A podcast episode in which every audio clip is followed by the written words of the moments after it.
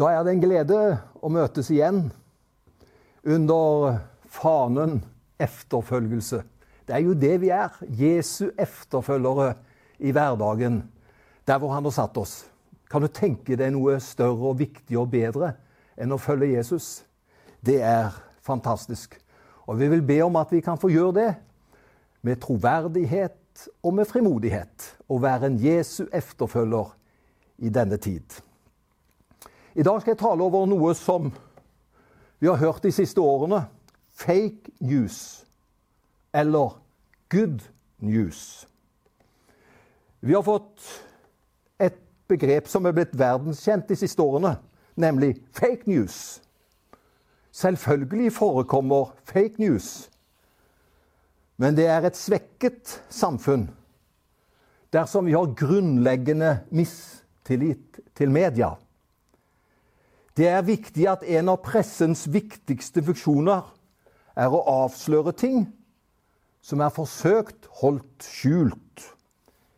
Gjennomsiktighet er en viktig verdi i et demokratisk samfunn.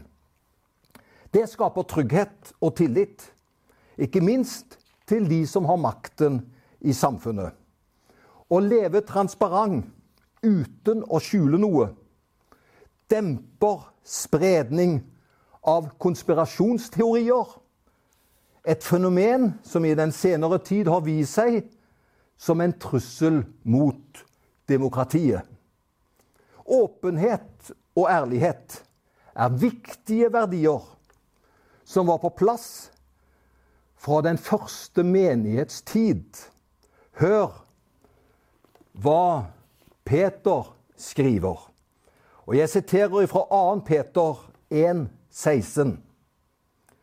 For det var ikke smarte, oppdiktede myter vi fulgte da vi kunngjorde dere vår Herre Jesu makt og gjenkomst, men vi var øyenvitner til Hans Majestet.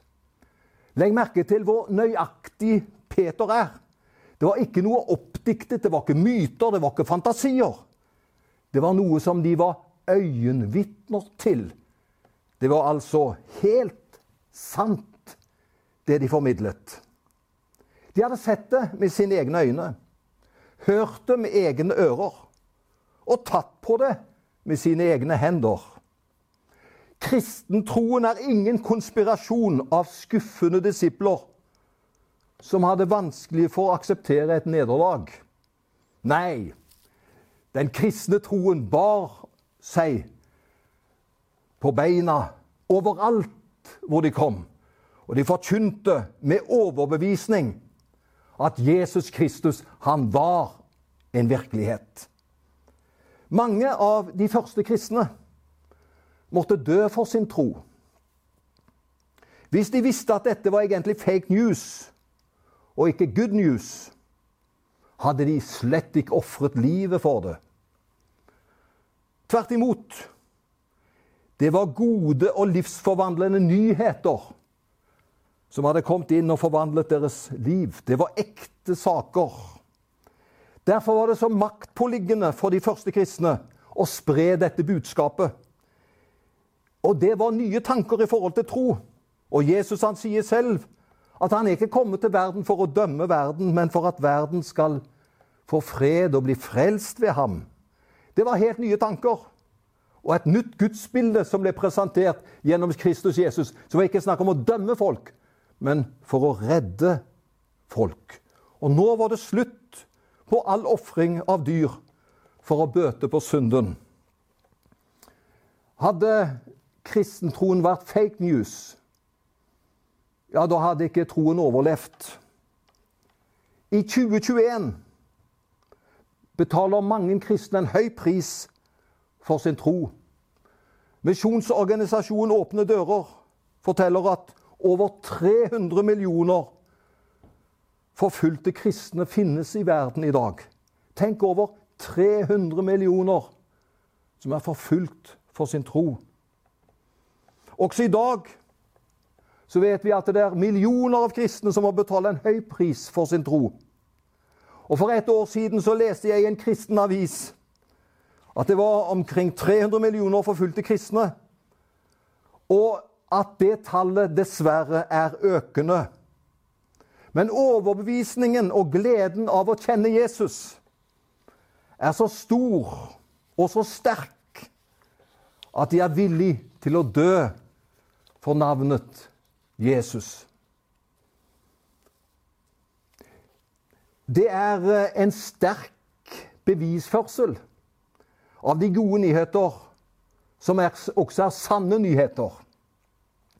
For Jesu liv og den kristne tro hviler på troverdige opplevelser av apostlene, nedfelt i de 27 nytestamentlige skriftene. Og Bibelen er basert på over 5000 manuskripter, vitenskapelig tilgjengelig for hele verden. Det hele, du, er svært gjennomsiktig. Paulus, den store teologen i Det nye testamentet, tar avstand fra alt som er skammelig, og som ikke tåler lyset. Hør hva han sier i 2. Korinterne 4, vers 2. Vi bruker ikke knep og forfalsker ikke Guds ord. Åpent legger vi sannheten fram, og for Guds ansikt stiller vi oss selv fram, så alle mennesker kan dømme oss etter sin egen samvittighet. Her, mine venner, er det fullt innsyn, som virkelig skaper troverdighet. Vi kan stole på at vår tro er bygget på good news og ikke fake news. I våre kirker og i vår kirke skal vi holde sannheten høyt. Paulus gir denne fantastiske hedersbenevnelsen på menigheten.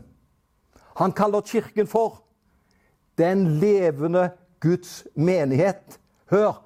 Sannhetens støtte og grunnvoll. Kan du tenke deg noe bedre attest? Tenk at menigheten er sannhetens støtte og grunnvoll. Grunnvollen og sand og, og, og støtten bygger på sannheten. Det er Guds menighet. 1. Timoteus 3,15. Og i kjærlighetens høysang, i 1. Korinterne 13, vers 6, står det Kjærligheten gleder seg ved sannhet. Og Jesus sier i Johannes 8, 31 og 32 sannheten. Skjønner, Sannheten er det grunnleggende i vår tro, i vår praksis. Sannheten skal sette dere fri. Altså, sannheten er forbundet med menigheten og de kristne.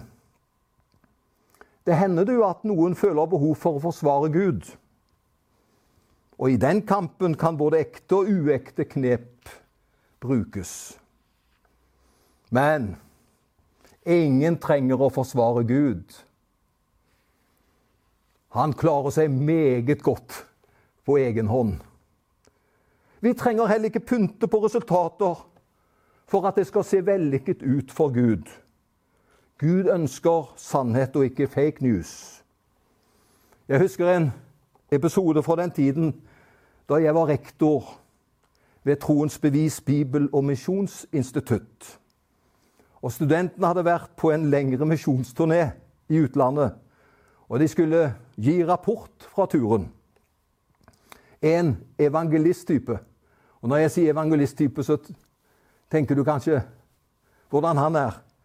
Han hadde dratt på og gav store seiersrapporter. Andre som hadde vært med på samme tur, sa litt oppgitt med et, med et smil har vi vært på samme tur? Vi trenger ikke å dra på. Virkeligheten er god nok for Gud.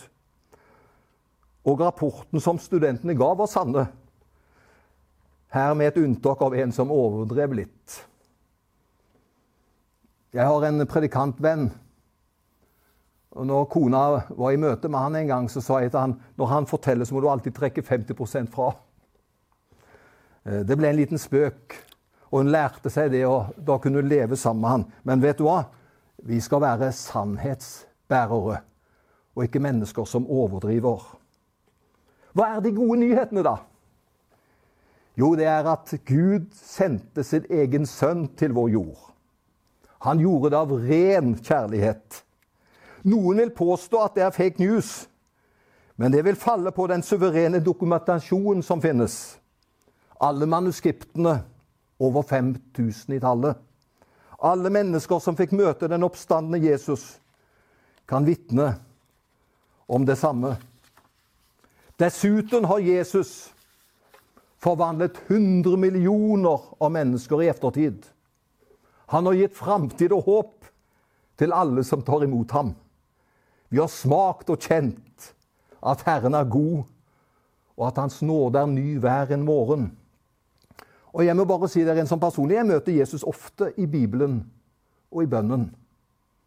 Jeg har daglige samtaler med Vår Herre, hvor jeg sier alt. Og Han hører på meg, og så opplever jeg jeg får en fred og en velsignelse og en ro tilbake efter slike gode stunder. Jeg håper du også finner et tidspunkt i løpet av din dag hvor du møter Han i ordet, i bønnen, i dine tanker. Jesus er en virkelighet. Han lever. Og denne sannheten må vi dele med våre medmennesker der hvor vi bor. Han som vil at alle mennesker skal bli frelst og lære sannheten å kjenne. Vi trenger ikke dikte opp nyheter.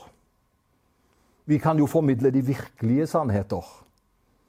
Vi, og mange med oss, kan bekrefte at de gode nyheter er ekte good news. Ha en velsignet dag, alle sammen. Amen.